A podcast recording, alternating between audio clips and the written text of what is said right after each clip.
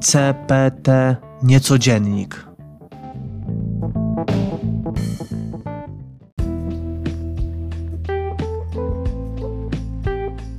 CPT Niecodziennik, czyli czas przeszły, teraźniejszy Niecodziennik, to seria audycji w podcaście Czas przeszły, teraźniejszy, w której będę omawiał bieżące sprawy polityczne, społeczne, technologiczne z punktu widzenia konserwatyzmu, czyli w odniesieniu do tradycji dawnych czasów. Zapraszam do wysłuchania tego odcinka. 26 listopada 2019 roku. Witam Was, drodzy słuchacze, w podcaście Czas Przeszły Teraźniejszy. W kolejnym odcinku CPT Niecodziennika. W CPT Niecodzienniku rozmawiamy o bieżących sprawach społecznych, politycznych, technologicznych w odniesieniu do tradycji, czyli staramy się z punktu widzenia konserwatyzmu podejść do tego, co obserwujemy na co dzień. Planowałem już powiedzieć o tym, o czym mam zamiar powiedzieć, ale zostałem ponaglony w taki sposób, że przeglądając media społecznościowe u jednej osoby zauważyłem udostępniony mem. Jest to taki klasyczny obrazek, gdzie jest zdjęcie człowieka, najczęściej znanego człowieka, i pod spodem mamy tekst. I znalazłem taki oto mem, gdzie na zdjęciu jest Drauzio Varela z Brazylii, a tekst mema brzmi tak. Noblista z medycyny, onkolog Drauzio Varela z Brazylii. Dwukropek. I teraz jest cytat słowa, które on wypowiedział. I napisane jest tak. W dzisiejszym świecie inwestujemy pięć razy tyle pieniędzy na badania leków na potencję dla mężczyzn oraz silikon dla kobiet niż na leczenie Alzheimera. Za kilka lat będziemy mieć stare kobiety z pełnymi piersiami i dziadków z pełną erekcją, ale nikt z nich nie będzie sobie mógł przypomnieć, po co je mają. Można by zobaczyć ten obrazek, zapamiętać, że to powiedział jakiś Drauzio Varela z Brazylii, noblista zresztą, tak jak mówi nam ten mem, noblista z medycyny, onkolog, i pomyśleć sobie, o jakie fajne słowa on powiedział, że rzeczywiście inwestujemy w to, co nie trzeba. Może by tak było, ale ja przyzwyczajony jestem do tego, aby takie rzeczy sprawdzać, a mianowicie zainteresowała mnie ta osoba i wydało mi się dosyć podejrzane to, że ten pan Drauzio Varela mógł coś takiego powiedzieć. I wiecie, dzisiaj mamy problem z tak zwanymi fake newsami.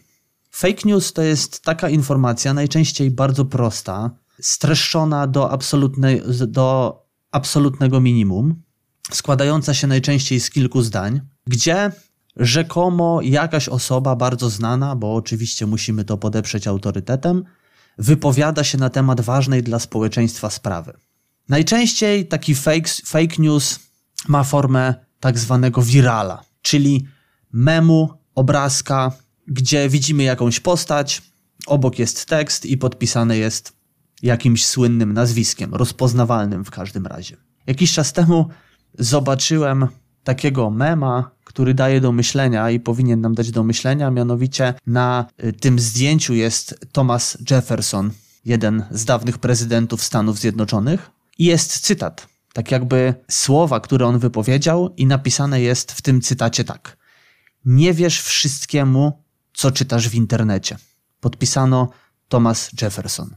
I jest kilka wersji tego mema, ale on daje do myślenia, powinien nam dać do myślenia. Żyjemy w takiej epoce, gdzie czerpiemy informacje właśnie z takich podejrzanych źródeł, niesprawdzonych, niezweryfikowanych. I mamy taką tendencję, nie mówię, że wszyscy z nas, ale zwłaszcza duża część młodego pokolenia ma taką tendencję, aby to przyjmować za fakt. Chociaż starsi ludzie też spotykam się, że odkryli internet, jakaś starsza osoba odkryła nagle internet, ma dostęp do różnych stron i ona wyczytuje te wszystkie teorie spiskowe i inne rzeczy.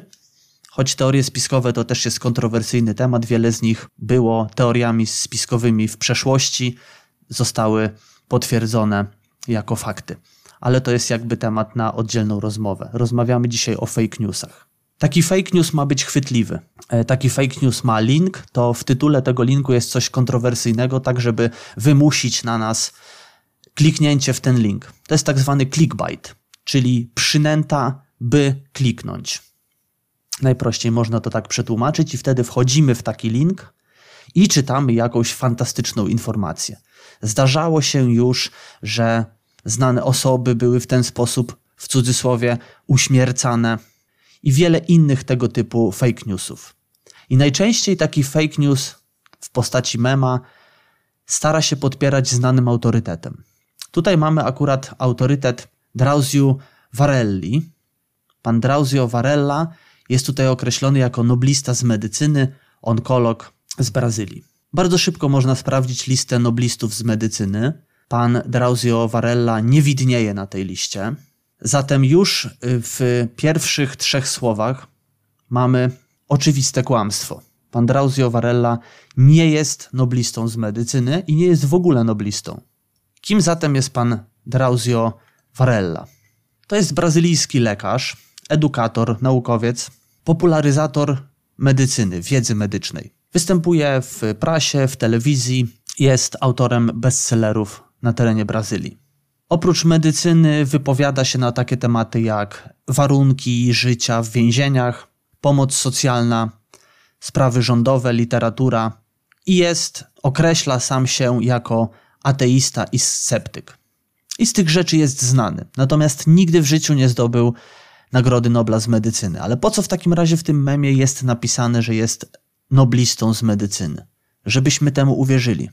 I można sobie zrobić szybki przegląd informacji na temat pana Drauzio Varelli i spróbować wpisać ten cytat do wyszukiwarki, żeby przekonać się, że nie jest to cytat, który pochodzi od tego pana. Zrobiłem sobie taki przegląd informacji w internecie na temat tego cytatu i okazało się, że funkcjonuje on w wielu różnych wersjach, bardzo podobnych. Przekaz jest ten sam, używane są różne słowa. Znalazłem teksty po angielsku i wzmianki o tym tekście pochodzą z 2011 roku, z 2009 roku, a nawet z 2007 roku. Zatem dokonując prostych wyszukiwań możemy dowiedzieć się, że po pierwsze, y, nie jest to cytat z pana Drauzio Varelli i krąży on od bardzo dawna w różnych formach i jest przypisywany różnym osobom zresztą. Ostatnio są przypisywane te słowa panu Drauzio Varella. Jeden z użytkowników internetu, nie będę podawał tutaj linka, możecie to sobie sami sprawdzić, napisał maila do pana Drauzio Varelli, pytając się, czy istotnie są to jego słowa. Pan Drauzio Varella odpowiedział precyzyjnie: Nie, nie są. Żyjemy w dzisiejszych czasach w, w morzu informacji. Dużo gęstsze jest to morze niż było 10, 20, 30, 40 lat temu.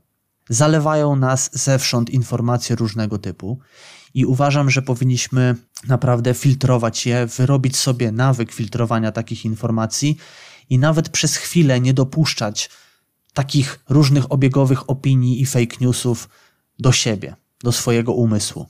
Bo jest to po prostu szkodliwe, tego jest strasznie dużo. Powinniśmy dbać o to, kogo obserwujemy w mediach społecznościowych, filtrować te osoby, dobierać sobie rzetelne portale informacyjne, rezygnować z jakichś plotkarskich, spiskowych i tak dalej, bo za chwilę się okaże, że gdzieś tam coś tam usłyszeliśmy, powtarzamy to, ktoś, kto od nas to usłyszy, powtarza to dalej i tak powstaje fake news lub jakaś plotka. I kiedy tak sobie o tym myślę, uważam, że w szkole powinien powstać przedmiot, gdzie młodzież uczyłaby się rzetelnej oceny informacji. Bo informacje można znaleźć w prosty sposób, tylko jest to informacja różnej jakości. Dobra informacja, zła informacja, prawda, półprawda i wiadomo, jaka prawda, jak to mówił ksiądz Twardowski. Podczas lekcji tego przedmiotu dzieci uczyłyby się elementów logiki, socjologii, filozofii. Taki przedmiot w latach dwudziestych XXI wieku, za chwilę będziemy w latach dwudziestych XXI wieku, jest bardzo potrzebny, powiedziałbym konieczny. Ludzie muszą dostać pewne narzędzie intelektualne, którego mogliby używać, aby nie dać się manipulować. Przede wszystkim powinniśmy dbać o to, na co patrzymy, weryfikować te treści, źródła tych treści. Naprawdę serdecznie do tego zachęcam, bo takich obiegowych, fałszywych opinii i mitów jest bardzo dużo. Niektóre z nich są niegroźne i można by przymknąć na nie oko, natomiast inne są groźne. W przypadku tego cytatu Drauzio Varelli to miało być niby takie mądre. Powiedzieć, że oto laureat Nagrody Nobla z medycyny wypowiedział się, że źle się dzieje, że inwestujemy pieniądze w badania nad erekcją u starszych mężczyzn i w badania nad operacjami plastycznymi dla dojrzałych kobiet, zamiast inwestować w takie ważne badania, jak badania nad chorobą Alzheimera czy innymi chorobami. Jest to niby takie mądre, można się zainspirować i oczywiście z racji tego, że jest to takie niby mądre, ja się co do treści zgadzam oczywiście i z racji tego, że jest to takie mądre, nazwijmy to, ludzie chętnie to udostępniają. Żyjemy w świecie mediów społecznościowych, gdzie naprawdę jednym kliknięciem myszy można dany obrazek czy daną informację powielić i ona rozchodzi się naprawdę z ogromną prędkością po wszystkich naszych znajomych i po całym świecie. Żeby wyprodukować taką fałszywą informację, potrzeba może pół minuty, jeżeli ktoś jest szybki i się uprze.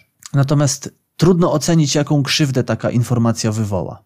Uczmy się myśleć logicznie, uczmy się szukać, porównywać źródła informacji, które do nas docierają, abyśmy nie dali się tak miotać jak chorągiewka, jak fala na wietrze. A przede wszystkim starajmy się nie powielać informacji, których nie sprawdziliśmy. Wiem, że łatwo jest to zrobić, natomiast nie róbmy tego sobie i innym ludziom.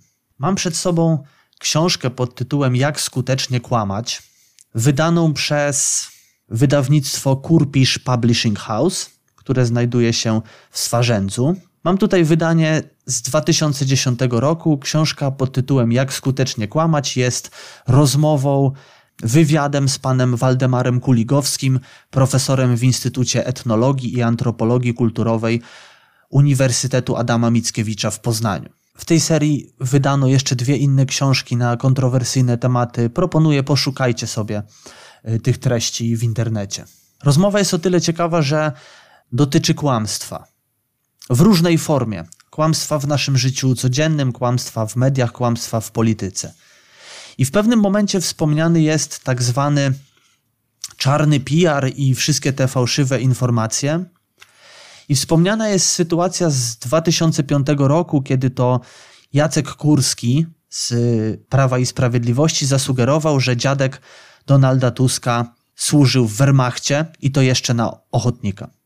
I ta informacja od razu rozeszła się po świecie.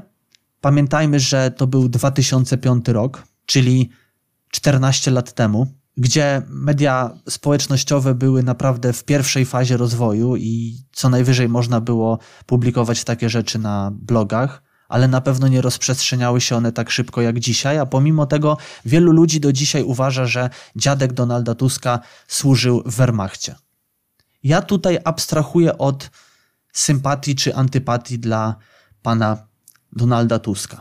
Abstrahuję od sympatii czy antypatii w stosunku do Jacka Kurskiego i partii Prawo i Sprawiedliwość. Nie o to tutaj chodzi. W ocenie informacji powinniśmy unikać zaangażowania emocjonalnego. Nie powinniśmy się w to angażować emocjonalnie. Nie jest ważne, czy kogoś lubimy, czy nie. Ważne jest, czy jest to informacja prawdziwa, czy nie. Otóż okazała się ona nieprawdziwa, Dziadek Donalda Tuska nie służył na ochotnika w Wehrmachcie. Historia jest zupełnie inna. Macie ochotę, doczytajcie. Podaję to jako przykład takiej informacji. Zapytajcie kilku osób ze swojego otoczenia, czy dziadek Donalda Tuska służył w Wehrmachcie. Wielu z nich będzie przekonanych, że tak, chociaż informacja jest nieprawdziwa. I z takimi fake newsami dotyczącymi faktów rzekomych dotyczących znanych osób jest właśnie tak, że plotkę jest bardzo łatwo rozprzestrzenić. I nawet jeżeli ona zostanie zdementowana, to już nikt jej nie słucha. Zazwyczaj zapada w pamięć ta właśnie fałszywa informacja, bo treść dementująca bardzo często do człowieka, który wcześniej usłyszał plotkę, nie dociera. I to jest właśnie smutne. Nie bądźmy takimi ludźmi, nie rozprzestrzeniajmy tego. I jeszcze raz uczulam, abyśmy naprawdę sprawdzali te wszystkie informacje. Z taką myślą Was zostawiam. Bardzo się cieszę, że mogłem po chwili przerwy znów do Was przemówić. Cieszę się, że słuchacie. Dziękuję za wysłuchanie tego odcinka i mam nadzieję, że usłyszymy się wkrótce. Bywajcie.